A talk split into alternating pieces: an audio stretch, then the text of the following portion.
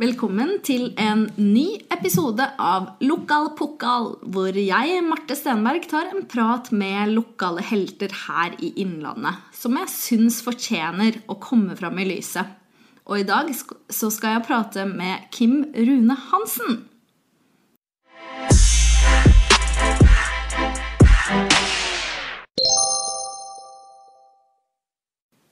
Ukens episode av Lokal Pokal er sponset av Hvil vingene dagspa. Unn deg sjøl et velfortjent pusterom i hverdagen. Tusen takk for at du ville komme, Kimmi. Jo, takk for at du ville ha meg her. du er kanskje den beste snowboardkjøreren vi har hatt fra Hamar. Eh, du har reist verden rundt for å kjøre snowboard med de aller beste i verden i nesten ti år. Eh, du har deltatt i verdenscupen, VM, prestisjefylte Air and Style-konkurransen og X Games. Og du hadde også to solide forsøk på å delta i OL i Vancouver og Sotsji. Og det har også gjennom årene blitt sponsa av giganter som Burton og Quicksilver. Husker du når og hvordan du skjønte at du kunne drive med snowboard på et profesjonelt nivå? Eh, ja, det gjør jeg for så vidt. Det var jo etter at vi i familien hadde fått uh, hytte i Trysil. Mm. Eh, og da jeg begynte å være der i helgene istedenfor eh, i en ishall uh, rundt omkring. eh, og hvor jeg da på en måte møtte et nytt miljø da med noen eldre utøvere som eh, som hadde søkt seg inn på toppidrettsgymnaset på Geilo, og som også begynte å kjøre Norgescupen, som var noe jeg liksom ikke visste om før jeg kom til Trysil og, og møtte det miljøet. Og da skjønte jeg liksom at ok, snowboarden har liksom kommet mye lenger enn skateboard på det, den tida, da. Og da var det jo en bratt læringskurve, og, og jeg endte med videre karriere, for så vidt. Mm. Husk, er det noen som har vært avgjørende for at du skjønte liksom at du kan bli god?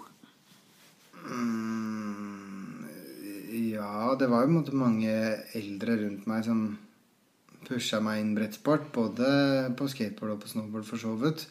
Eh, og så ble det jo liksom tidlig ute med litt sponsorer og sånne type ting. Hvor man kom i kontakt med liksom eh, merkene, da. Og og, og, de menneskene som kunne liksom kanskje bidra litt ekstra eller støtte med utstyr, sånne type ting. Og så begynte man jo med den Norgescupen og kom i kontakt med trenerne som jobba på toppidrettsgymnaset på Geilo.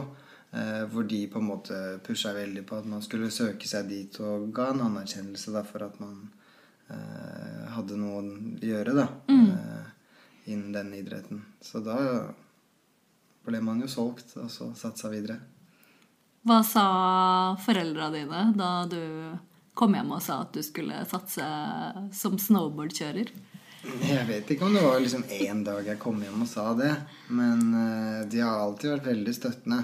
Uh, og de merka det på en måte fort. De var jo med i bakken i Trysil, og de sto jo ved siden av når det var små konkurranser. Og, og så jo på en måte den, den driven og hvor gøy jeg hadde det med det. Eh, og det var jo lett for de å la meg trene. Det var jo bare å reise ekstra turer på hytta, liksom. Så, så fikk jo jeg utvikle meg og kose meg mest mulig. Så det var jo veldig sånn enkel vei. Og når det på en måte talentet var der, så på en måte har foreldrene mine alltid støtta det, da. Hva var det som drev deg med, med snowboarden? Nei, det er vel på en måte det det er jo veldig gøy, da. Og snowboard og både all brettidrett er jo en veldig sånn Ja, det er en individuell idrett, men man gjør det på en måte å starte med det som en gjeng. Og man er jo alltid liksom kompiser på tur, eller kompiser nesten på lag, for å si det sånn, da, som alltid ønsker hverandre godt. Så det, driven har jo bare vært at uh, man kan få drive på med noe som er veldig gøy, da, med gode kompiser. Så det har liksom ikke vært noe tøft miljø sånn sett. Og det er jo en uh, ekstremt morsom hobby, da, eller, uh, eller idrett. Mm. Um, du ble jo mange i miljøet også betegna som litt gæren. uh, og fryktløs. Uh, og jeg mener at du hadde noen forsøk på å ta Terje Håkonsen sin eh, rekord, som er på rett under ti meter i quarterpipe, er det vel? Ja. Uh, hva tenker du om det? Nei, ja, fryktløs. Jeg var jo det. Uh, man må jo bare være litt fryktløs òg for, for å nå opp i den sporten. Men samtidig så uh, Ja, noen øyeblikk så må man klare å pushe det, men som ofte så har man jo liksom trent seg opp, da. Så det er jo ikke helt nytt. Det er jo ikke Når man svever lenge i lufta, så er det jo ikke første gangen. Og man prøver jo ikke å være i lufta i åtte sekunder første gangen man hopper, liksom. Da nøyer man seg kanskje med litt mindre, men eh, men selvfølgelig hver gang man skal pushe grensene litt, så må man eh, jo kunne skru av en sperre eller to, da. Eh, Men selvfølgelig så har man jo liksom øvd som, og kalkulert med at det burde jo gå bra. Men, men ja, det har jo vært en karriere med mye skader òg, så det gjør jo ikke alltid det. Men har du fortsatt liksom det fryktløsheten i deg? For jeg husker liksom at jeg sjøl, da når jeg var ung, så var jeg alltid sånn Skulle hoppe fra timeteren i ankelen, og det var dritkult. Mens nå så er det sånn Ikke faen om jeg hopper fra timeteren i ankelen. Er du fortsatt liksom Tør du like mye nå, i voksen alder? Nei, absolutt ikke. Jeg får jo på en måte ofte litt tyn fra min beste kompis eh, Ulrik, som på en måte fortsatt er fryktløs i den alderen. Og er veldig opptatt av at jeg skal liksom pushe meg hver dag. Så hvis vi er på Frognerbadet eller et eller annet, så jeg bare Men jeg har ikke noe behov for å hoppe fra tieren lenger. Så bare Jo, men kom igjen, liksom. Kom igjen. Du kommer til å være glad etterpå. Og skal alltid liksom utvikle, da. Men eh, sånn er jeg nok ikke. Men eh, jeg har nok på en måte kanskje ikke vært den tøffeste i ting Eller så fryktløs i ting som jeg ikke har følt at jeg har kontroll på. Eh, så det har jo på en måte vært inni noe jeg har følt meg trygg, da. Mens eh, jeg har kanskje ikke vært den som løper først ut for å strikke opp, eller andre typer liksom litt fryktløse scenarioer, da. Man har kanskje måttet pushe litt ekstra. Så det vi ikke ser, er at når du er åtte meter opp i lufta, så har du stålkontroll. Ja, ja, for så vidt. Hvis ikke så hadde man jo ikke prøvd. Men, eh, men eh, det er jo masse variabler som gjør at man kan miste kontroll òg. og det er jo Det går jo ikke alltid bra. Men som oftest så når man toppen, og så kjenner man at det her har man kontroll på. Så kommer man jo ned igjen like hel. Og det gjør man jo oftere enn ikke. da, Hvis ikke så hadde man jo ikke giddet. Nei, ikke sant? Så det handler jo litt om det. Du, den rekorden til Håkonsen, den står fortsatt, gjør den ikke det? Ja da. Tror du Den, eh, noen kommer til å klare å ta den? Det er jo, Den disiplinen eksisterer jo egentlig ikke lenger. Det var jo måte han som var litt drivkraften til det. Og det var jo en gren når jeg kjørte, mens nå så har det jo vel ikke vært eh, en konkurranse i det formatet siden lenge før jeg la opp, egentlig. Eh, og nå begynner det å bli mange år siden jeg la opp òg. Så det er sikkert ja, kanskje ti år siden sist gang den, den konkurranseformen var, da. Ja. Da er den heldig, da. Da kommer den til å stå. Ja, det vil jeg tro, sånn høydemessig. Så vi, plutselig så er det jo noen som får lagd en quarterpipe igjen, da. Eh, Det skal jo bare til det, og mest sannsynlig da så vil den jo ryke, fordi i dag så vil man jo bygge en enda større quarterpipe, enda større bue, og det er jo G-kraften som er utfordringen da, for å kunne gå så høyt. Så.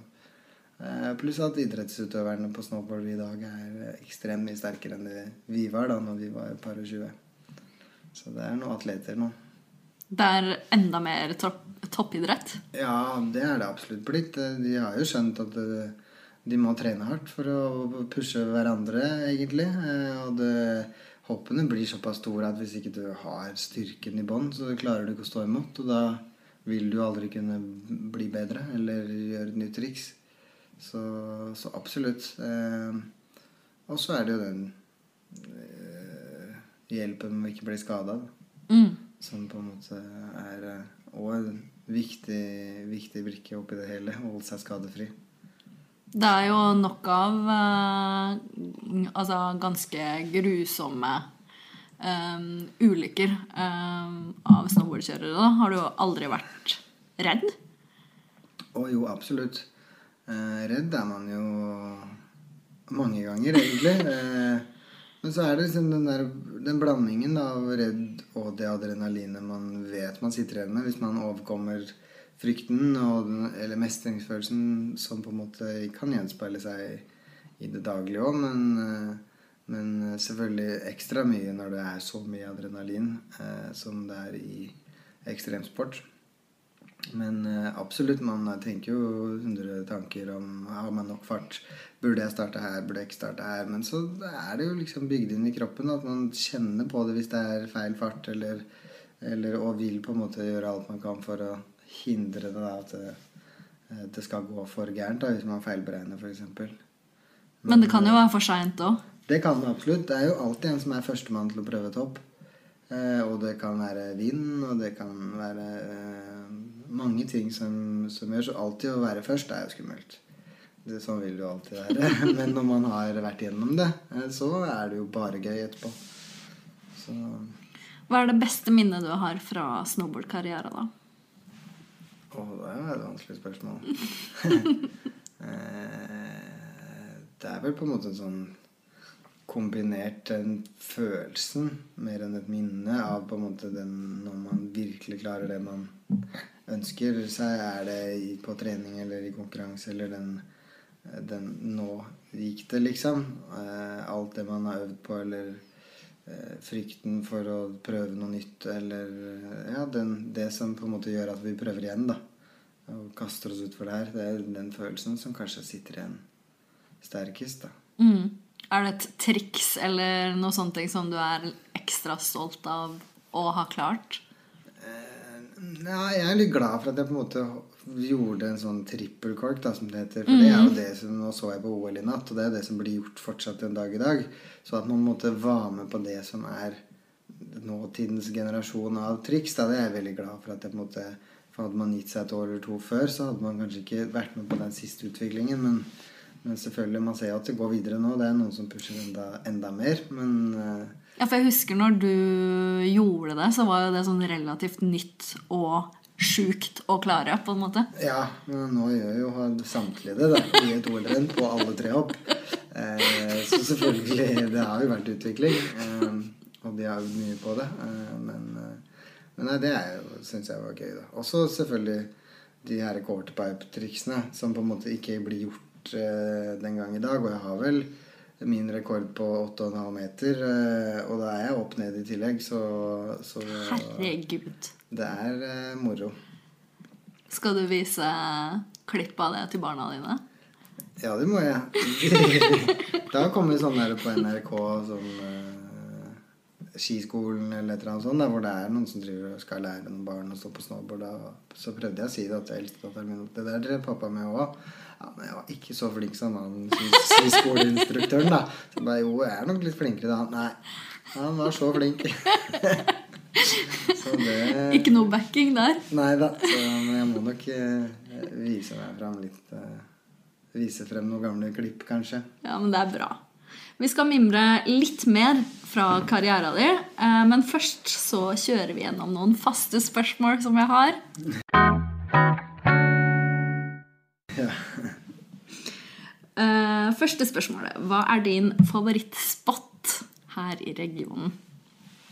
Å oh, ja. Det var her i regionen, ja. Jeg får sette meg ut uh, Bali igjen nå. Sette deg ut Bali, ja. Det er litt uh, langt fra Hamar. Ja. Det er det helt klart. Har du noen fine steder du setter pris på her i området? Trysil, kanskje? da? Ja, absolutt. Det er jo på en måte der eh, jeg har Som har vært starten til alt, og som er der jeg reiser i helgene med barna mine nå. Og på en måte lærer de også på snowboard, så absolutt så er det, det kanskje Ja, det må jo være favorittplass her, ja. Spørsmål to. Har du noen andre lokale helter som inspirerer deg? Eh, nei, ja må jeg jo ærlig innrømme at Jeg føler jo litt mer lokalt, kanskje, men, eh, men eh, her som på en måte inspirerer meg, må jo være pappaen min, egentlig, som er herfra og på en måte stå på og har lært meg til at jeg også må stå på, egentlig. Så det er jo den største inspirasjonen jeg har. Det er veldig fint. Ja. Spørsmål tre. Når gråt du sist? Ja, det var jo Jeg er jo litt lettrørt, Altså, det er jo stort sett i alle episoder av Grace Anatomy eller, eller noe sånt nå, hver gang vi møtes. Stort sett hver eneste lørdag. Men, eh, men det er jo på en måte kanskje ikke noe Det blir jo litt sånn lettrørt, men eh, det må vel ha vært eh, dessverre her nå nylig hvor eh, min gode venn Grillo, eh, som var en eh, veldig flink snowboardkjører, eh, gikk bort når plutselig jeg fikk den telefonen. Så da merka jeg at da gråt jeg eh, ganske på ordentlig eh, for første gang på lenge. Mm. Så det var ikke noe særlig hyggelig Nei. sånn. Søren, ass. Når uh, unge mennesker går bort. Det er så trist. Ja, det var uh, en uh, litt sånn jeg ja, Kall det urettferdig situasjon, men Men nei, det var kjedelig og utrolig trist for på en måte familien som blir igjen, da. Det ble jo født et barn to uker etterpå. Å, herregud. Og det var to små barn eh, som eh, mista pappaen sin på ferie, så sånn at eh, det er eh, forferdelig trist. Men, eh, men han bevegde på en måte hele snowboardverden såpass mye at det ble en sånn eh, Jeg vet ikke, en sånn felles samling da, fra på en måte alle i industrien som alt fra lagt opp til ikke lagt opp, men som på en måte connecta igjen da, på grunn av det her. Så det ble jo en så veldig fin ting eh, allikevel, selv om det er en forferdelig ting som skjedde, da. Mm. Tror du du kjenner enda mer på sånne ting etter at du har blitt far? 100% Det er jo Jeg blir jo helt knekt. Jeg bare det er noe med far og datter på TV, f.eks., så er jeg, er jeg ferdig. Og det er jo ekstra vondt på en måte når det er en mann som er eh, Han var jo på en måte bare verdens beste forelder da, på alle mulige måter. Det, han var jo såpass proff at han trengte jo aldri å jobbe og bare reiste rundt og kjørte snowboard og sykla cross og bare var pappa på fulltid med, med familien. Sånn at det er jo det som er det, det vonde, da. Eh, eller det vondeste eh, oppi alt det. Eh, og det merker man ekstra på når man har to barn selv. Ja, fy søren. Da man har liksom fått en ny skjørhet. Mm. Men, eh, men, men. Ok, nå har vi kommet til det punktet i programmet hvor jeg skryter litt av gjesten min. Jeg er så enormt imponert over den karriera du har hatt, eh, og alt du har oppnådd som snowboardkjører. Eh, Og jeg tror egentlig ikke mange forstår hvor stort eh, det du har gjort, er, da. Eh, En liten fyr fra Hamar som hevder seg i verdenstoppen og kjører med de aller største verdensstjernene da, år etter år. Men jeg er kanskje også mest inspirert over måten du aldri ga deg på etter alle skadene. Eh, For det ble jo en del skader også, men du, du viste en sånn moral til å komme tilbake igjen, da. Så det syns jeg er veldig inspirerende. Eh, Når du ser tilbake på karrieren din, eh, hva tenker du er det vanskeligste som var å takle? Vanskeligste å takle sånn underveis i karrieren, liksom. Mm, Det var vel Jeg hadde jo en lang periode hvor jeg på en måte lot det, kanskje det mentale gå litt forbi det faktiske faktisk eh, det som var gøy, da. Sånn at konkurransene ble for seriøse. Eh, Det ble liksom mye man skulle bevise, og, og man eh, At du ble liksom hypa opp? Og følte du ja, at det innfri, liksom eller? Ja, det var, ja, absolutt. Skulle liksom, hver gang man skulle tilbake fra skade, så hadde man liksom forventninger til seg selv og de rundt og alt. Og så ble det med at man hoppa over prosessen i hodet, men man så for meg liksom hvordan det skulle ende. Eh, som gjorde på en måte at jeg hadde en lang periode hvor jeg på en måte eh, ikke fikk til de enkle tingene. For jeg var altfor fokusert på, på de vanskelige tingene, da. Eller på en måte hoppa forbi det som skulle skje fram til det, ja, det som var det man hadde øvd mest på, f.eks. Da. Eh, Så, hadde, så da var det en, ja, et år, halvannet, hvor jeg ikke kvalifiserte til en eneste finale. Eh, og det var eh, kanskje det kjipeste, hvor det til slutt bare nå er nok nok. eh, Hvor man eh, fant, eh, fant hjelp i, i en idrettscoach, da. Eh, og da vips, så var det alt snudd på hodet da man fikk endra på det mentale rundt det. Er det sant? Så da var det en sommer med idrettscoaching, og så var det på førsteplass eh, på pallen første konkurranse etter det. Så det var jo en ekstrem forvandling, egentlig. Ah, var det litt sånn eh, Var det litt surt å ikke ha tatt den hjelpa før, da? Det har jeg faktisk aldri tenkt på. Eh, Jeg bare gnidde det inn nå. Men jeg vet ikke om det var Man hadde jo fått tilbud om Jeg hadde jo prata med andre tidligere eh, og hvorfor det var en endring denne gangen. Og når man tok initiativet sjøl. For vi fikk jo tilbud om det gjennom landslaget og de type ting, men da var det liksom aldri noe match, eller jeg følte at man hadde det behovet, da. Eh, men så var det en person da som det bare klikka bra med. Man sitter jo bare og prater, og så lurer man på hva i all verden er det du egentlig har gjort for at eh, jeg nå tenker helt annerledes eh, når det kommer til ulike situasjoner. Eh, men eh, absolutt, det er jo veldig lurt å benytte seg av som idrettsutøver. Så bra. Eh, men hvordan var det å gi seg, egentlig? Jeg trodde det skulle være veldig lett. Eh, Du hadde ett forsøk først, hadde du ikke det? Jo da. Og så Ja, det, det første forsøket var jo for så vidt Ja, det gikk jo bra til en viss grad. Men jeg hadde jo sett for meg på en måte et A4-livet fra utsiden. Og det var jo liksom ting i på en måte karrieremodus som jeg kanskje savna, da, eller trodde at jeg kom til å like, som rutine, f.eks. Um, og nå har jeg ikke noe valg enn å like rutiner. Men uh, den på en måte Man ser for seg at å dra på jobb hver dag og kunne liksom trene hver dag eller ditt eller datt på en måte uten noen forstyrrelser, da. Som det er i et sånt jetset-liv. Eh, Men det går jo en måned eller to, så oppdager man at det var ikke så sjukt rått der i forhold til å være på en evig lang guttetur. Eh, Så da ble, det, ble jeg liksom litt slått i bakken, da. Eh, Og hadde jo liksom Syns Syntes det var vanskelig når folk spurte liksom hva gjør du? Da hadde jeg jo ikke begynt så- som snekker heller. Så da var det sånn Ok, hva gjør jeg? Hva er jeg? Eh, Man blir liksom sånn i, Finner seg ikke helt selv da i det her nye. Men eh, heldigvis så var jeg ranka bra og ble invitert tilbake. Så jeg fikk liksom et sånn ny et nytt år da hvor jeg på en måte kunne si farvel på nytt. Hvor jeg liksom hadde Hvor jeg planla mer at jeg skulle gi meg. Og samtidig så fikk jeg ta med kona mi på en av reisene, så hun fikk òg liksom oppleve det, det sirkuset og den delen som har vært eh, Eller det livet da som har vært en stor del av meg. Så da var det litt lettere. Det høres jo veldig fint ut, da. Ja, Å Og kunne liksom tenke at å, nå har jeg denne tiden og forberede meg på at jeg skal gi meg og liksom make the most of it, på en måte. Ja, og så fikk man liksom noen sånne reality checks, da, fordi jeg gadd jo ikke å trene før jeg reiste på disse konkurransene.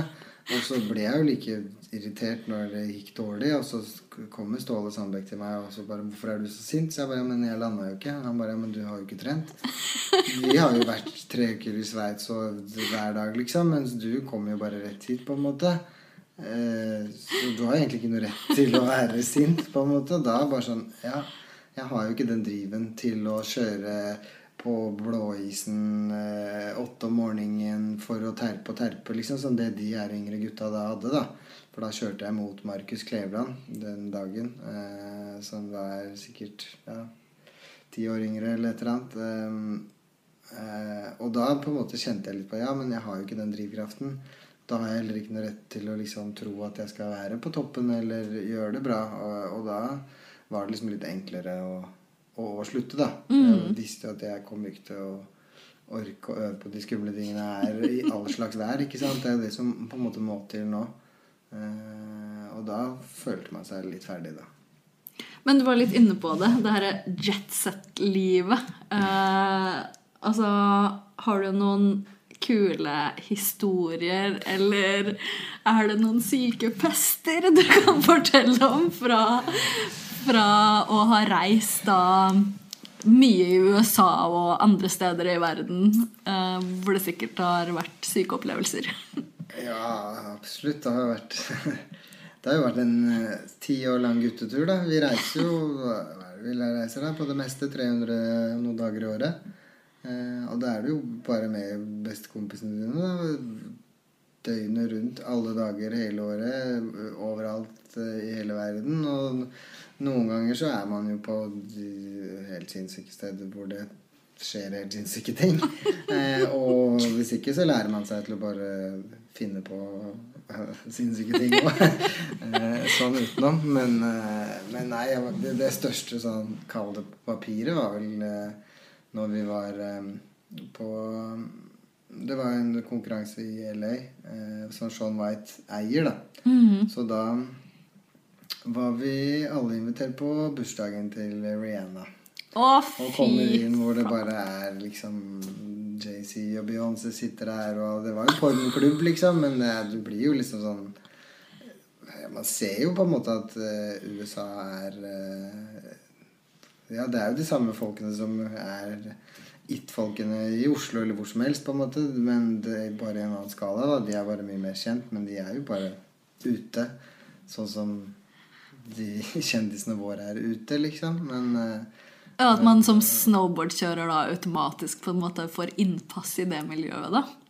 Ja, innpass og innpass. Det er jo én som er eh, Som er på en måte eh, Ja, nå er det jo flere, da, faktisk, som, eh, som har innpass der, da. For de blir jo ganske store og kjente, de aller beste, spesielt i USA, da. De gjør det. Og nå på en måte med sosiale medier og alt som har skjedd, så blender jo alle disse her Om det er idrett eller eh, skuespiller eller musiker eller influenser eller hva det er, så på en måte har man eh, et stort navn, så på en måte har man noe til felles da, med andre med et stort navn, og da blir det liksom ofte til at man omgås. Så det er jo spredt å se nå. og også når man på en måte, i hvert fall på slutten av karrieren, da når jeg var med rundt på disse reisene, hvor noen av disse unge gutta hadde blitt såpass store, og vi bare ender opp hit eller dit og, og Nei, her har dere billetter til Coachella og en suite, liksom. Bare dra og kos dere, på en måte. Så sånne ting skjer for disse gutta, da. Eh, og det var gøy å få være med på det, ikke sant. Få en liten bit av det. Ja, absolutt. Så det er jo et uh, sinnssykt liv. Det er greit å sjekke av å ha vært på bursdagen til Rihanna. Ja, det er absolutt. Vi var jo litt heldigere på en måte min generasjon av det, da, fordi at vi var på en måte Var jeg i Kina, så var jeg superstjerne den helga. Eh, og det var autografer, og det var jo tusenvis av folk som kom og så på den konkurransen, eller der eller der, men når man på en måte gjorde hva som helst annet, så hadde man jo ikke 100 eller flere hundre tusen følgere på sosiale medier, og folk visste hvem du var. Jeg kom tilbake og kunne bare sette meg på toget fra Gardermoen til Hamar uten at noen visste noe. Så det var liksom Uten at noen visste hvem du var engang. Ja, og så det hadde du sånn- liksom akkurat stått og skrevet autografer fra Ja, men da var man på en måte bare profil på den arenaen, da. Mens nå så er man en profil på én arena, så er man det på alle arenaer, ikke sant. Ehm, Det høres jo ut som en perfekt verden, egentlig, det. Ja, så det tror jeg var veldig sunt for vår del. Eh, og selv om på en måte jeg tror, jeg føler ikke at jeg har liksom gått til hodet på noen av de snowboarderne uansett. For det har vært en veldig sånn sunn idrett eh, den veien. Selv om mange på en måte blir kjente. Og det er jo mange Når du blir mer kjent og tjener mer penger, så er det jo selvfølgelig mange rundt deg som ønsker mye av det og er der av det. Men, eh, men eh, det er veldig mye gode folk i den industrien nå. Så, og alle har liksom de eldre som er trenere eller et apparat rundt seg da, som passer på. Så det er jo en veldig sånn sunn sport, syns jeg, da. Så bra. Eh, Følger du med på snowboard nå, eller hvordan, hva slags forhold har du til, til idretten nå? Nei, jeg følger jo med. Eller nei, jeg gjør jo egentlig ikke det. Jeg, jeg ser på OL nå. eh, Så nå hadde jeg på alarm da, for å se på slopestyle-finalen i natt. Eh, Men eh, det er jo fordi liksom noen av mine aller gode, eller beste venner fra den tida da, er deltar. Og da har man jo lyst til å følge med, men jeg har jo ikke sett på en annen konkurranse i hele år.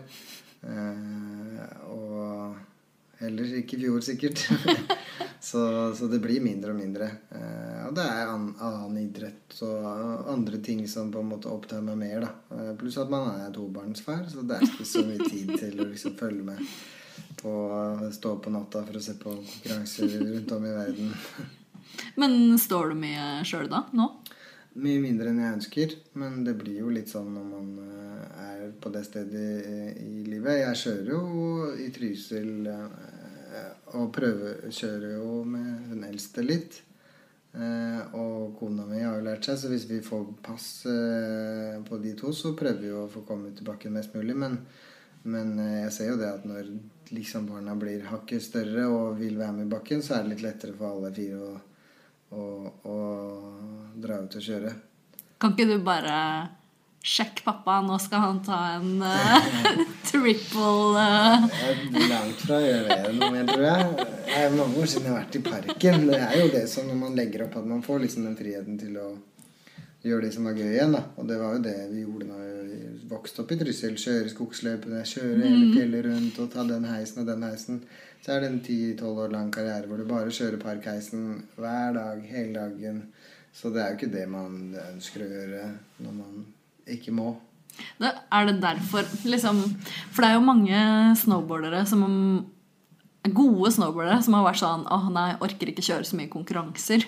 Vil heller liksom kjøre film og eh, Kommer det fra, fra, det, tror, du? At, man, at, det starter med at man ofte bare ha, har det fett da, på snowboard, og så kommer det inn et alvor som kanskje ikke alle egentlig er fortrolige med? Nei, det, ja, så, ja, det er det jo. Eh, for så vidt. Det er jo Filmebiten, det var jo Det var en sånn endring der. At filming var det man ønska å begynne med. Mm. Og at man måtte kjøre konkurranse for å bevise at man var god nok til en filmpart. Eh, og så eh, var det jo, kom jeg tilbake fra en skade en gang, og da var det snudd. For da hadde på en måte alle pengene kommet inn i konkurransen. Det hadde blitt mye mer TV vist, og energidrikkene hadde kommet på banen. Og det var en hel, helt andre budsjetter i konkurranseverdenen, da. Så da var det jo det som gjaldt.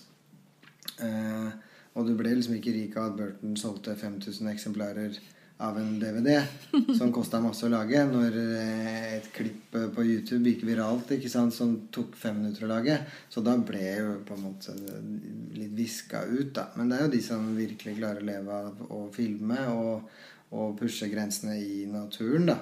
Eh, og de skjønner jeg jo at absolutt ikke har noe interesse av å kjøre konkurranser. Eh, for å kjøre helikopter til toppen av Alaska og kjøre pudder ned igjen. Det må jo være mye mindre skummelt enn å gjøre fire saltoer på blankisen. Så, så, det ville de fleste valgt. Eh. Og så er det jo Du kan jo kjøre pudder, holdt jeg på å si, i mange flere år enn det du kan holde på med det her eh, freestyle-idretten, for det er jo en annen påkjenning på kroppen. Ja. Eh, så det er jo mange som på en måte mm, pensjonerer seg litt i, i den delen, da. Eh, hva tenker du om at um, snowboardlandslaget ikke har noen hovedsponsor sånn nå, når det er midt i en OL-sesong? Nei, hadde jeg visst det før nå, så hadde jeg kanskje hatt en mening rundt det. Det er jo synd, selvfølgelig.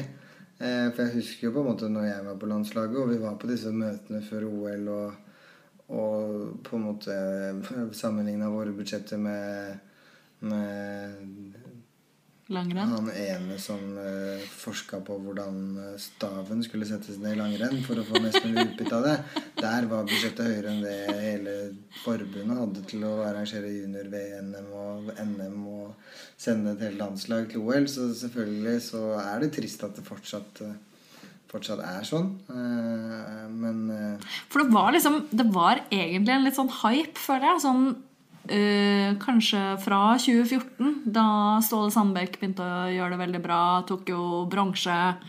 Eh, og det har vært flere store sponsorer inne egentlig da på snowboardlandslaget. Sånn DNB, Norsk Tipping. Mm.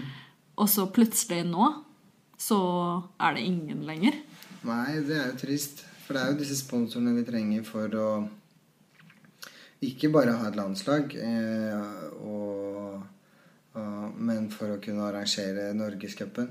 Som er der jeg fant ut at jeg kunne bli en, eh, en idrettsutøver. Eh, For alle unge talenter, egentlig. da. ja, NM, junior-NM, eh, alle mulige satsesamlinger for jentesnowboarden. Alt det kommer jo på en måte fra forbundene og de sponsormidlene de har. Det er ikke som om det er masse støtte ellers. så Jeg, jeg- kan ikke helt politikken i det disse dager, men jeg husker jo i hvert fall åssen det var før. Og, eh, og jeg regner med at de fortsatt er ganske avhengige av, av den hjelpen. da. Mm. Så jeg håper jo det kommer på plass. Hvordan ser livet ditt ut nå, da? Du har flytta hjem til Hamar og jobber som snekker. Ja, det er et nytt liv. To barn, kone.